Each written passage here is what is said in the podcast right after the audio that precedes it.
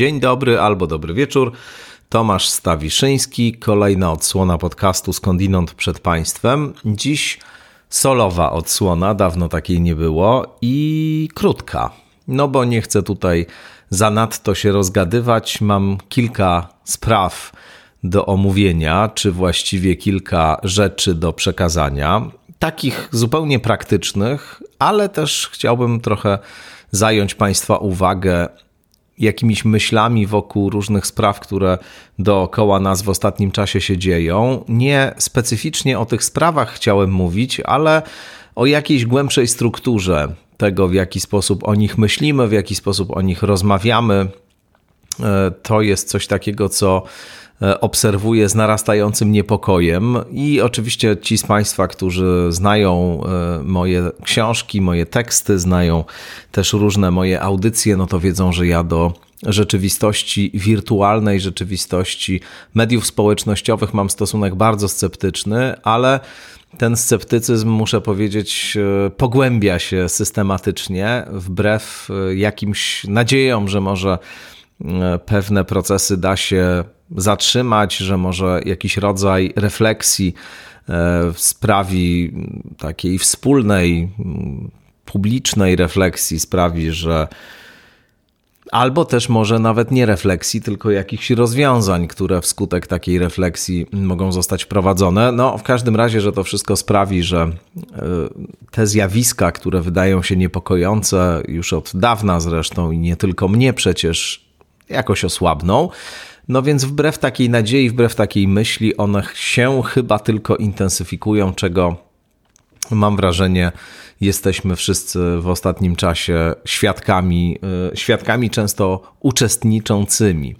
No ale to za moment, na razie tradycyjnie, jak to zawsze na początku y, w podcaście Skądinąd, chciałbym podziękować serdecznie wszystkim patronkom, patronom, subskrybentkom, subskrybentom za wsparcie firmie StrategyWise, ekspertom do spraw komunikacji, za wsparcie na Patronite. No i cóż, y, teraz oczywiście jeszcze, żeby wszystkiemu stało się zadość, wszystkiemu, co tutaj zawsze się dzieje, pewnemu rytuałowi, pewnej niezmiennej strukturze tego podcastu, mam przywiązanie do tego typu powtarzalności. Ona jest ważna i myślę, daje jakiś rodzaj poczucia przewidywalności i zakorzenienia. No więc, żeby się temu stało zadość, to jeszcze jingle. Ten taki krótki, który zawsze przedziela pewne fragmenty e, w skądinąd. E, posłuchajmy go wobec tego.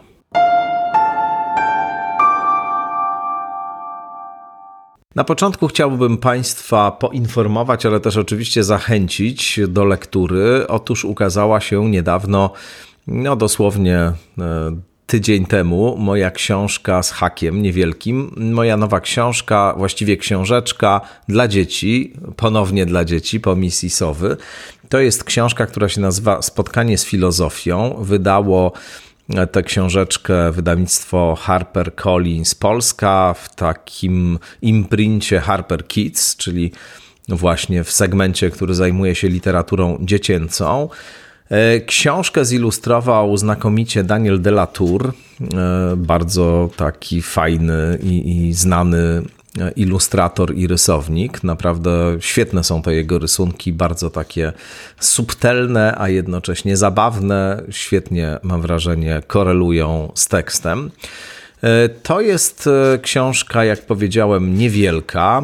Jej ja ją przeglądam teraz, może Państwo to słyszą. Bardzo lubię taki dźwięk w ogóle, nie wiem czy i wy go lubicie, dźwięk e, kartek, które są przewracane.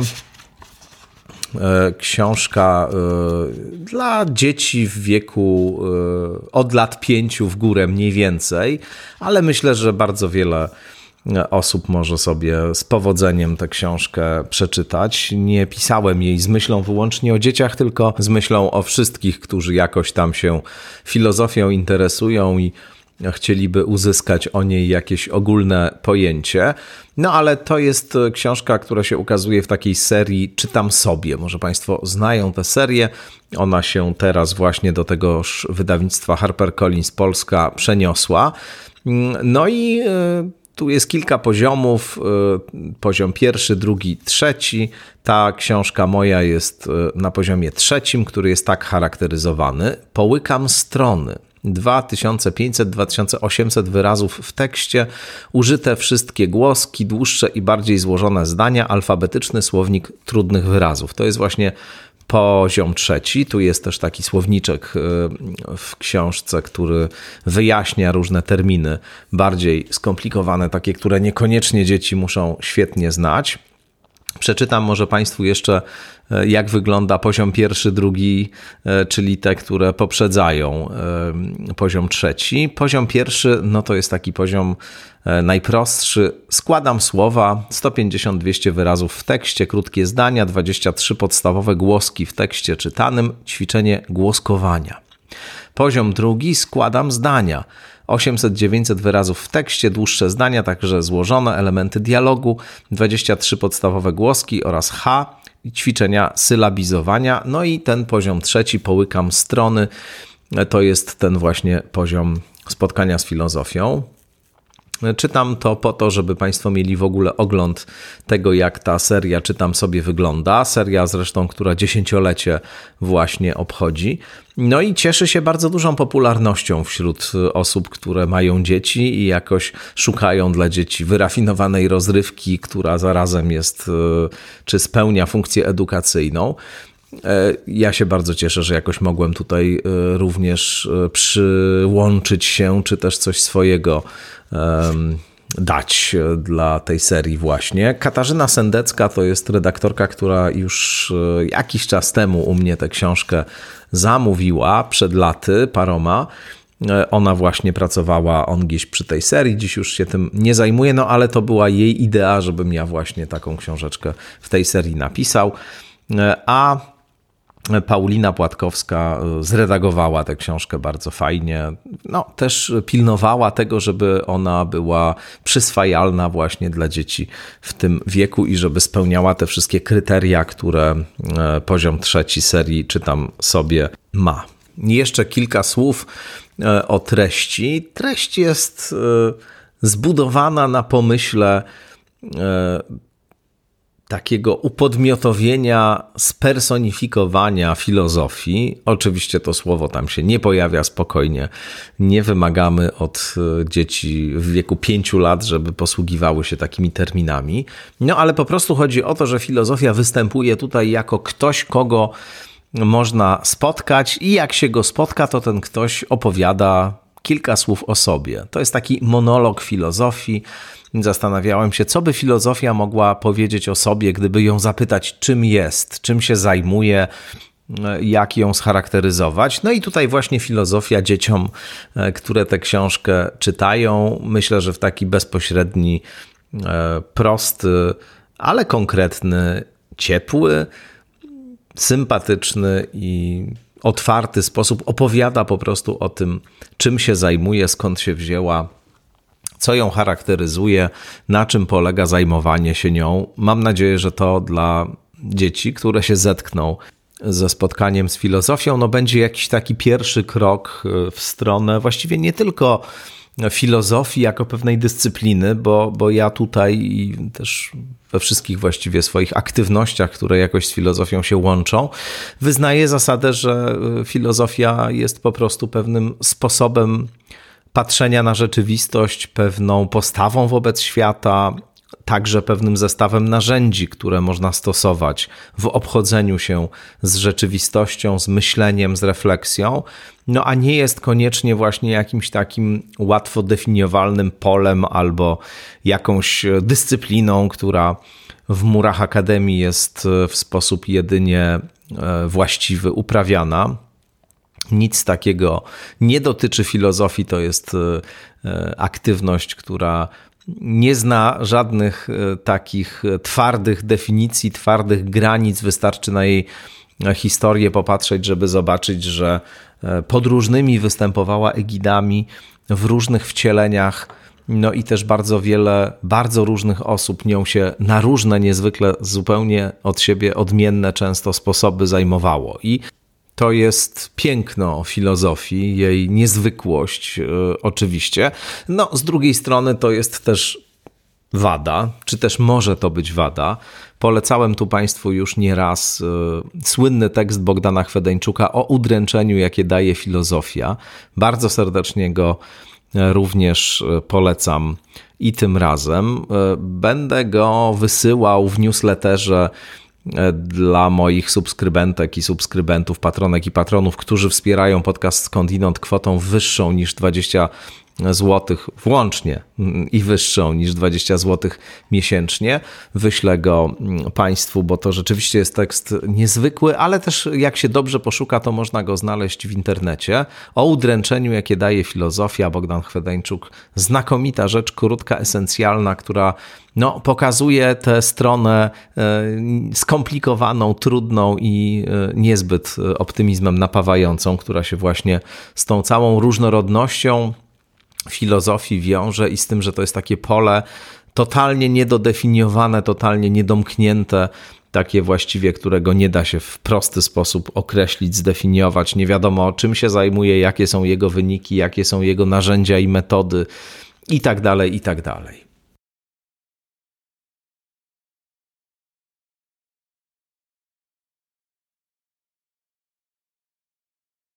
No ale na to, żeby się z udręczeniem, jakie filozofia daje, konfrontować, to w życiu przychodzi czas, jeśli się chce, e, zająć e, tym właśnie, a nie innym, jeśli ma się jakiś rodzaj, nie wiem, pociągu, powołania do filozofii, to e, w jakimś momencie trzeba się też i z tym udręczeniem zetknąć i skonfrontować właśnie.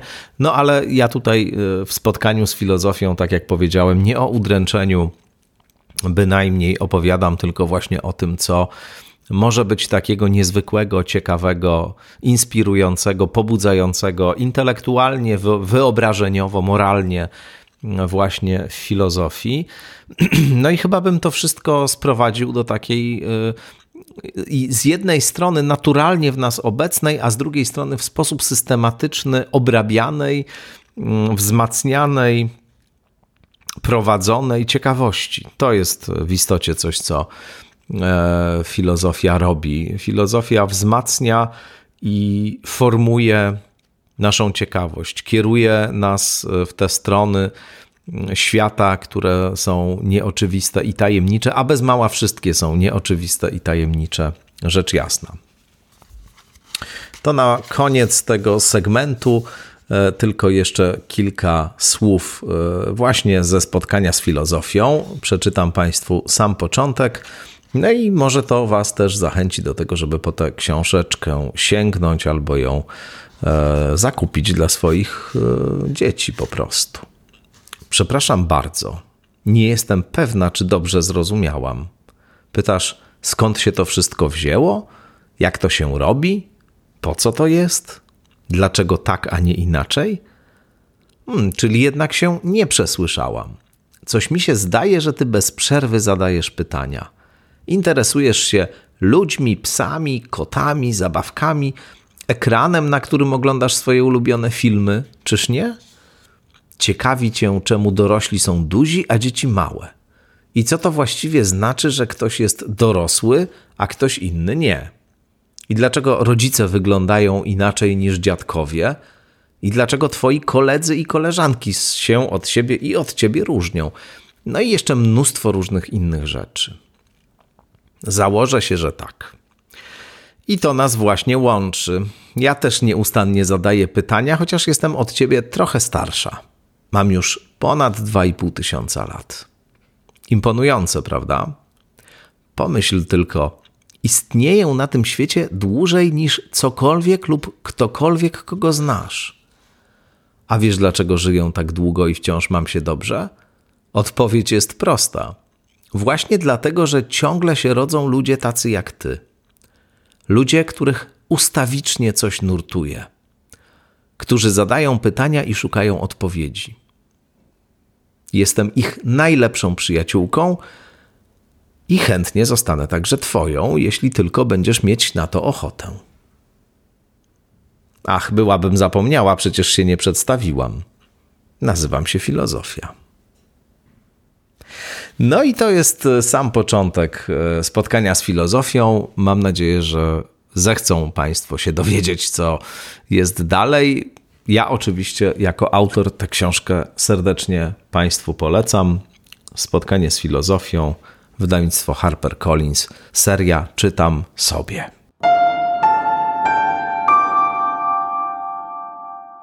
A teraz e, kilka jeszcze słów na tematy bardzo aktualne. Tak jak powiedziałem, e, chciałbym jeszcze e, krótki komentarz dotyczący tego, co się w ostatnim czasie dzieje, a co oczywiście jest tylko przejawem procesu głębszego o charakterze kulturowo-cywilizacyjnym, procesu opisywanego i identyfikowanego już e, na wiele różnych sposobów wcześniej. Jakkolwiek mam wrażenie, że mm, właśnie w polskiej sferze publicznej, w mediach społecznościowych z tym się teraz konfrontujemy e, bardzo wyraziście i dlatego postanowiłem parę słów tutaj o przyspieszeniu powiedzieć, akceleracji ogólnej, intensywności tego, co się wydarza, zagęszczeniu zdarzeń i emocji to jest w ogóle coś charakterystycznego dla współczesności i w szczególności charakterystycznego dla e, epoki wirtualnej, epoki mediów społecznościowych. Chyba najbardziej e, tak e, klarownie, wyraziście i wprost pisał o tym wspominany tutaj przeze mnie już nieraz Douglas Raszkow. Jest taka książka jego, niestety nie wydana po polsku. W ogóle apeluję do wydawców, żeby zainteresowali się twórczością Douglasa Raszkowa, bo to jest naprawdę znakomity autor, który mnóstwo bardzo przenikliwych książek na temat współczesnego świata opublikował. No i między innymi przed kilkoma laty wydał taką książkę, która się nazywa Present Shock When Everything Happens Now, e, czyli szok teraźniejszości e, w świecie, w którym wszystko zdarza się teraz. E, no i to jest książka, która próbuje zmierzyć się właśnie z tym specyficznym modusem, który zapanował odkąd technologie informacyjne rozwinęły się do takiego stopnia, że pozwalają na właściwie transmitowanie e, na żywo przez 24 godziny na dobę tego, co dzieje się w świecie. My z tym obcujemy dzisiaj e, permanentnie. E, na ekranach naszych smartfonów mamy sprawozdanie z całego świata, niejako. Wcześniej no to oczywiście wyglądało trochę inaczej, ale mm, już pojawienie się tych e, telewizji 24-godzinnych, takich informacyjnych, nadających nieustannie newsy, było właśnie pierwszym akordem czy pierwszym sygnałem tej rewolucji specyficznej rewolucji e, w naszej percepcji, nie tylko rewolucji w technologii, nie tylko rewolucji w świecie technologii informacyjnych, właśnie ale rewolucji w naszej percepcji. Pamiętam bardzo dobrze e, na ekranach telewizorów e, wyświetlane w zapętleniu nieustannie w 2001 roku rozbijające się o wieże World Trade Center samoloty i wieże upadające. To, to był rzeczywiście chyba taki znak nadchodzącej epoki. Myśmy to oglądali wielo, wielokrotnie i to poczucie apokaliptyzmu poczucie, że wydarzyło się coś i wydarza się cały czas, nie tylko mm, no, strasznego i przerażającego, ale właśnie zwiastującego kres jakiegoś sposobu widzenia świata, który mieliśmy, było wtedy bardzo silne. I zastanawiam się, na ile właśnie to, że nieustannie ten obraz do nas powracał w takim zapętleniu, że myśmy to wciąż i wciąż na nowo oglądali, miało związek z tym, jak e, nam się to wewnętrznie jawiło, jak to przeżywaliśmy, jak tego doświadczaliśmy. No, dziś można powiedzieć, e, tego typu e, sytuacja jest na porządku dziennym. Co więcej, nie musimy siadać przed telewizorem i czekać, aż coś nam się E, pojawi, aż e, program e, będzie poświęcony temu czy tamtemu, choć oczywiście telewizje informacyjne wciąż, jeśli tylko coś się wydarza spektakularnego, to nieustannie nam to zapętlają i nadają. No ale dziś to wystarczy mieć smartfona, a prawie wszyscy go dzisiaj mają żeby móc nieustannie, non-stop, 24 godziny na dobę przeżywać rzeczywistość i to nie tylko w takiej właśnie linearnej transmisji, nie w takim porządku naturalnego następstwa, że oto coś się wydarzyło, e, minęło i teraz e, mierzymy się z tego konsekwencjami, tylko w takim porządku radykalnie prezentystycznym, właśnie porządku teraźniejszości, nieustającej, niezmiennej w takiej, w której wydarzenia dzieją się wciąż i wciąż na nowo, wciąż i wciąż na nowo, nie przechodzą, nie mijają, nie ma czasu nawet na to, żeby w jakiś sposób uporać się z faktem ich zaistnienia, ponieważ one wciąż zaczynają na nowo e, zachodzić, wydarzać się, powtarzać się. Poza wszystkimi innymi e, skomplikowanymi, głębokimi konsekwencjami takiego porządku rzeczy, ma to specyficzny skutek dla naszej emocjonalności i właśnie dla naszego sposobu radzenia sobie z pewnymi zjawiskami, z rozumieniem ich, przeżywaniem ich, z konfrontowaniem się z e, taką, a nie inną rzeczywistością. E, I sądzę, że to nas w ogromnym stopniu emocjonalnie rozwibrowuje, no bo uniemożliwia nam e, takie wewnętrzne przepracowywanie pewnych zjawisk, które w porządku e, psychologicznym, czy takim, który jakoś ewolucyjnie został zaprojektowany czy przewidziany, no właśnie polega na tym, że kiedy coś się dzieje, no to e, najpierw jest e, informacja na ten temat, która E, przedostaje się do naszego układu nerwowego. Następnie ta informacja wywołuje jakąś reakcję, jeśli to są e, zjawiska czy zdarzenia no, w jakiś sposób e, wstrząsające, szokujące, mm, jakoś burzące spokój czy, czy obraz świata już zastany, no to wówczas jest jakaś wewnętrzna praca, która polega na tym, że te emocje stopniowo osłabiają swoją intensywność, wkraczają inne funkcje poznawcze, które pozwalają skonfrontować się z tym, co się stało, poddać to jakiejś refleksji, obrobić to. E, no i następnie jakoś włączyć w ten zasób e, posiadanych już przekonań. Oczywiście tutaj e, działają też rozmaite heurystyki poznawcze, tak zwane, czyli różne drogi na skróty, które pracują na rzecz pewnej ekonomii mentalnej czy ekonomii intelektualnej sprawiają, że no właśnie nie wydatkujemy zanadto dużo energii, żeby pewne sprawy opracować wewnętrznie, tylko że e, stosujemy pewne skróty, pewne schematy poznawcze, które pozwalają nam jakoś grupować e, dane, które do nas wchodzą, jakoś e, integrować je, włączać w zasób danych już istniejących. I teraz to zawsze był proces, który wymagał e, głębokiej refleksji nad sobą. Zawsze był proces przeciwko e, tym naturalnym odruchom. Mówię o procesie e, takiego uczciwego poznawania świata, odcedzania tego, co jest iluzją, tego, co jest błędem poznawczym od faktów. E, no właśnie dlatego, że te wszystkie nasze wewnętrzne mechanizmy są zaangażowane w to, żeby nam na różne sposoby obraz świata uspójnić, a nie żeby uczynić go bardziej adekwatnym. Niemniej e, to się e, okazuje możliwe, właśnie takie stopniowe przedostawanie się przez zasłonę iluzji do tego świata, którego opis jesteśmy w każdym razie przy pomocy pewnych zobiektywizowanych narzędzi w stanie z dużą e, z dużym prawdopodobieństwem uwspólnić. Natomiast e, w momencie, kiedy podlegamy takiemu nieustannemu bombardowaniu e, danymi, bombardowaniu bodźcami, bombardowaniu impulsami, zwłaszcza jeśli one są niezwykle intensywne, niezwykle mocne, uderzające w jakieś podstawy naszego widzenia świata, naszego poczucia bezpieczeństwa, naszego poczucia stabilności, no to y, można powiedzieć, że na zdwojonych obrotach, albo potrojonych, albo poczwórnych obrotach mm, pracują te wszystkie mechanizmy, które właśnie muszą sprawić, żeby no, w jakiś sposób obraz świata nam się uspójnił i, i uspokoił. I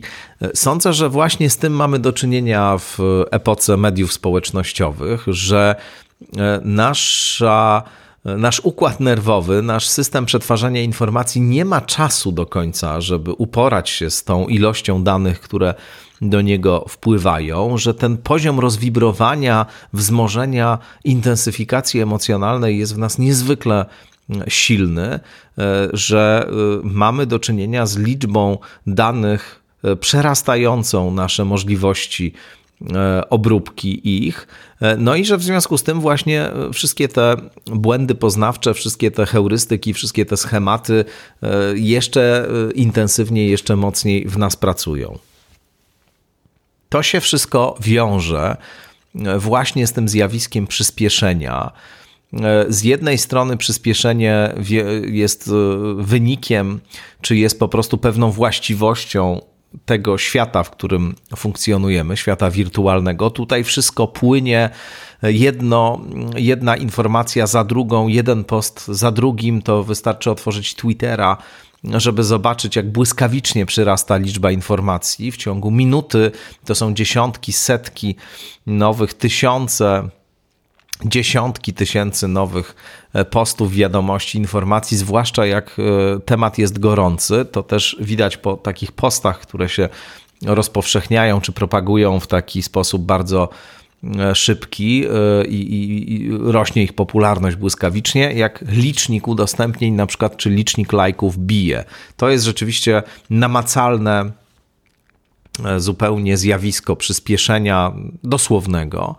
Natomiast to przyspieszenie jest też pewną funkcją naszego wewnętrznego, czy właściwością naszego wewnętrznego świata, który próbuje za tym wszystkim nadążyć i który e, oczywiście doświadcza wciąż na nowo kolejnych intensywnych emocji, które jedna za drugą się pojawiają. I nie ma czasu w takim świecie, z uwagi na to przyspieszenie, właśnie, na to, żeby zatrzymać się, zastanowić, pomyśleć, poddać refleksji impulsy, poddać refleksji e, to, co do nas przychodzi, e, zdystansować się w elementarny sposób do tego, e, wypracować sobie jakąś własną ocenę czegoś, co już na różne sposoby momentalnie od razu zostało ocenione w sferze mediów społecznościowych.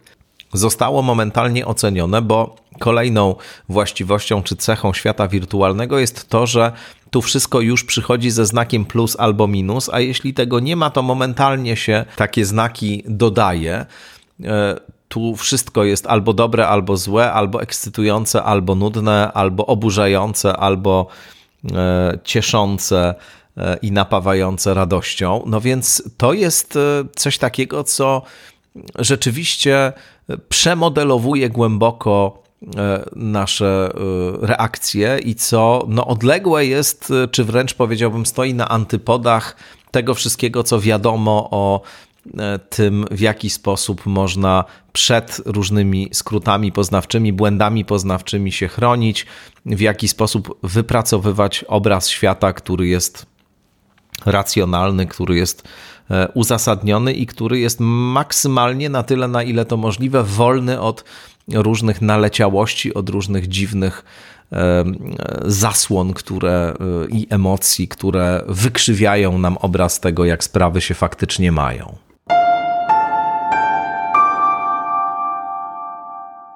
A mówię o tym wszystkim i zastanawiam się nad tym wszystkim, także w kontekście tej e, wciąż trwającej, intensywnej, niezwykle politycznie już na różne sposoby obsługiwanej dyskusji na temat e, Jana Pawła II, tych materiałów, które opublikowane zostały w e, tvn i w książce Eke Overbecka.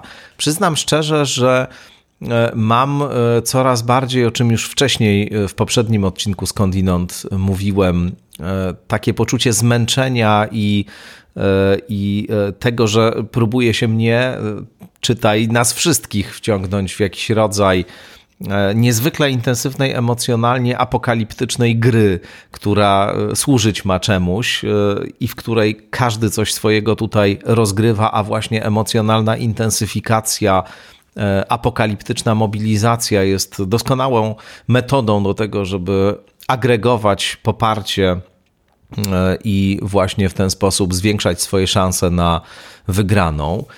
Sprawy są po pierwsze ufundowane w jakiejś części na dokumentach historycznych. Dokumenty historyczne wymagają e, głębokiej lektury kontekstu, rozumienia tego, z czym się ma do czynienia. Już dziś e, niewątpliwie wiadomo, że ten wizerunek Jana Pawła II, wyidealizowany i, i tak bardzo nachalnie nam do głów wkładany, jest wizerunkiem nieprawdziwym. To nie był taki człowiek, jak go prezentowano, bo też i nie ma takich ludzi idealnych, wspaniałych, zawsze wszystko robiących dobrze. Z drugiej strony mamy z kolei jakiś rodzaj e, takiego koszmarnego bliźniaka owego wyidealizowanego Jana Pawła II, to znaczy Jana Pawła II, który jest straszliwy, wyłącznie zły, przerażający, straszny, cyniczny, E, tak samo jak tamten jest idealny, tak i ten jest straszliwy. Przyznam, że obydwaj wydają mi się postaciami fikcyjnymi. Pisałem o tym zresztą w felietonie dla Tygodnika Powszechnego, który się ukazał już na stronie internetowej, a w najbliższą środę będzie na łamach. Ale no, to jest coś takiego, co przecież e, wielokrotnie, dawno już temu zostało nazwane, opisane i zidentyfikowane. Ta tendencja ludzka do idealizowania albo dewaluowania, do widzenia w innych wyłącznie ludzi doskonałych i wspaniałych, albo też do widzenia w nich wyłącznie e, samego zła. E, my to wszystko wiemy. My to wszystko wiemy, rozumiemy, mamy opisane. Co więcej, często sami zwracamy uwagę innym, kiedy dostrzegamy u nich takie tendencje do idealizacji i dewaluacji zarazem, albo do bardzo pochopnego, natychmiastowego, skąpanego w emocjach, e, radykalnego oceniania e, wszystkiego na podstawie drobnej, skromnej wiązki informacji. Natomiast e, nie przeszkadza nam to e, właśnie dokładnie w ten sposób się zachowywać, kiedy pojawiają się jakieś sprawy, które są w nas e, właśnie tak niezwykle nacechowane emocjonalnie. Więc powiem szczerze, że szkodzi tej dyskusji na wielu poziomach i szkodzi sprawie rozliczenia Kościoła katolickiego z jego milczenia, rozliczenia e, Kościoła katolickiego właśnie z tej polityki, e, którą przez, laty, przez lata stosował. No właśnie taki rodzaj momentalnego, natychmiastowego, e, histerycznego dewaluowania albo idealizowania. E, dlatego że mm, to się staje bardzo łatwym argumentem e, w cudzych rękach, właśnie.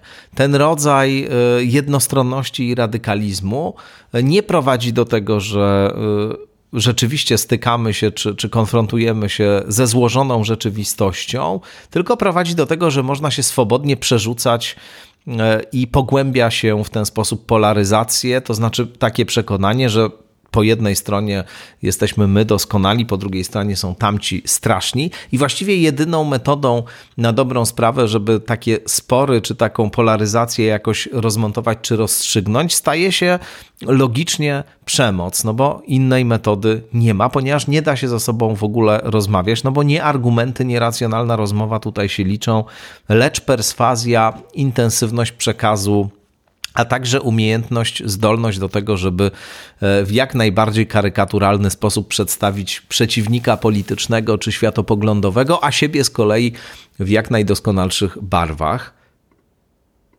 Jest więc gdzieś, tak jak pisałem dla Tygodnika Powszechnego, oprócz tych dwóch Janów Pawłów II, którzy ujawnili się w polskiej debacie jak na razie. Tego, oprócz tego idealnego, doskonałego, który zawsze wszystko robił dobrze i tego strasznego, złego, niedobrego, fatalnego, który zawsze wszystko robił źle, no jest gdzieś jakiś taki trzeci e, Jan Paweł II, na razie jeszcze e, mało obecny, który ma pewne, ale w ludzkich proporcjach cechy tych E, dwóch e, pozostałych, czyli pewne rzeczy robił dobrze, miał swoje zasługi, a inne rzeczy robił źle z różnych powodów, które chcielibyśmy zrozumieć. No i Cóż, dobrze by było, żebyśmy tego Jana Pawła III, II rozpoznali, odnaleźli, no bo w momencie, kiedy będziemy w stanie zobaczyć e, tę postać i zobaczyć kontekst, w jakim e, taka postać funkcjonowała, no to też będziemy lepiej rozumieć rzeczywistość dookoła. Na tym to przede wszystkim polega. E, I to już jest ostatnia część tego, co mam Państwu do powiedzenia, bo to wszystko ma pewne, pewien praktyczny wymiar, związany nie tylko z tymi sprawami, e, które tak nas aktywizują, nie tylko z tym, jakie będą losy dyskusji o Kościele katolickim w Polsce, o dziedzictwie e, polskiego papieża, o tym okresie komunizmu e, i tak dalej, tylko to ma bardzo praktyczne konsekwencje dla tego, w jaki sposób my dziś ze sobą tu i teraz rozmawiamy, jak rozumiemy sferę życia społecznego, świat w ogóle, innych ludzi i siebie.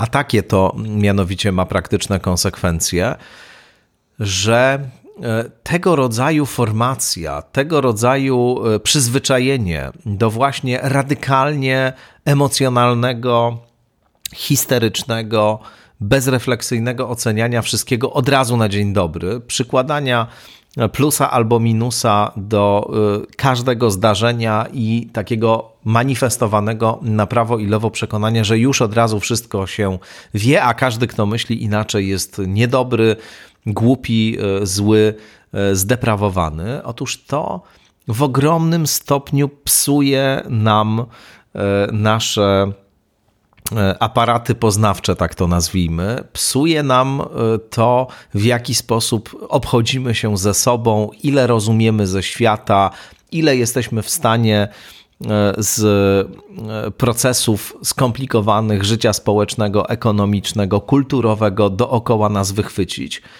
I to znowu, nie tylko o to chodzi, że się stajemy mniej wydajni poznawczo, że mniej rozumiemy, że w związku z tym działamy bardziej impulsywnie, ale też działamy nieadekwatnie, co zmniejsza prawdopodobieństwo, że efekty naszych działań będą takie, jakich sobie życzymy. No bo żeby działać w sposób efektywny, no to trzeba działać w zgodzie z tym, jak się sprawy mają, a jeśli się nie wie, jak się sprawy mają, albo się ma tylko pewne wyobrażenie na temat tego, jak one się mają, no to jest duże prawdopodobieństwo, że nie osiągnie się właśnie tego, co się chce.